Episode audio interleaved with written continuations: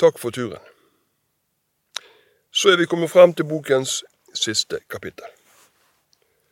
Om du har hatt en eh, like spennende reise gjennom disse 52 ukene som vi har hatt med å skrive om det, det vet vi ikke. Men du skal uansett ha takk for turen.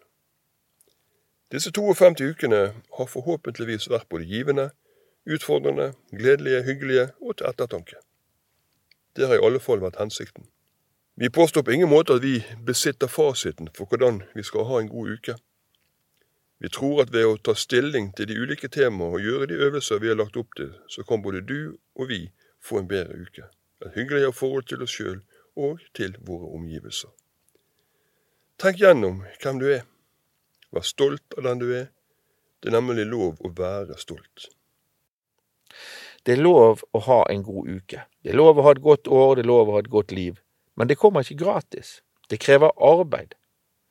Det sies at eh, det krever ca. 10 000 timers trening og øving på å bli god i noe. Sammen har vi nå brukt en del timer de siste 52 ukene, men det er enda svært mange timers arbeid som gjenstår før vi blir skikkelig gode på de tingene vi har delt dette året. Så eh, hvordan kan vi bli enda bedre? Jo, vi må øve og vi må trene, og vi må bruke masse tid på å bruke hva skal til-formelen. Tørre å snakke, tørre å lytte, tørre å dele, tørre å ta en timeout, osv. Da blir vi etter hvert en bedre ressurs for oss sjøl, og dermed også en bedre ressurs for andre.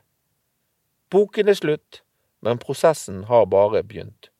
Det gjør ingenting å ta turen om igjen.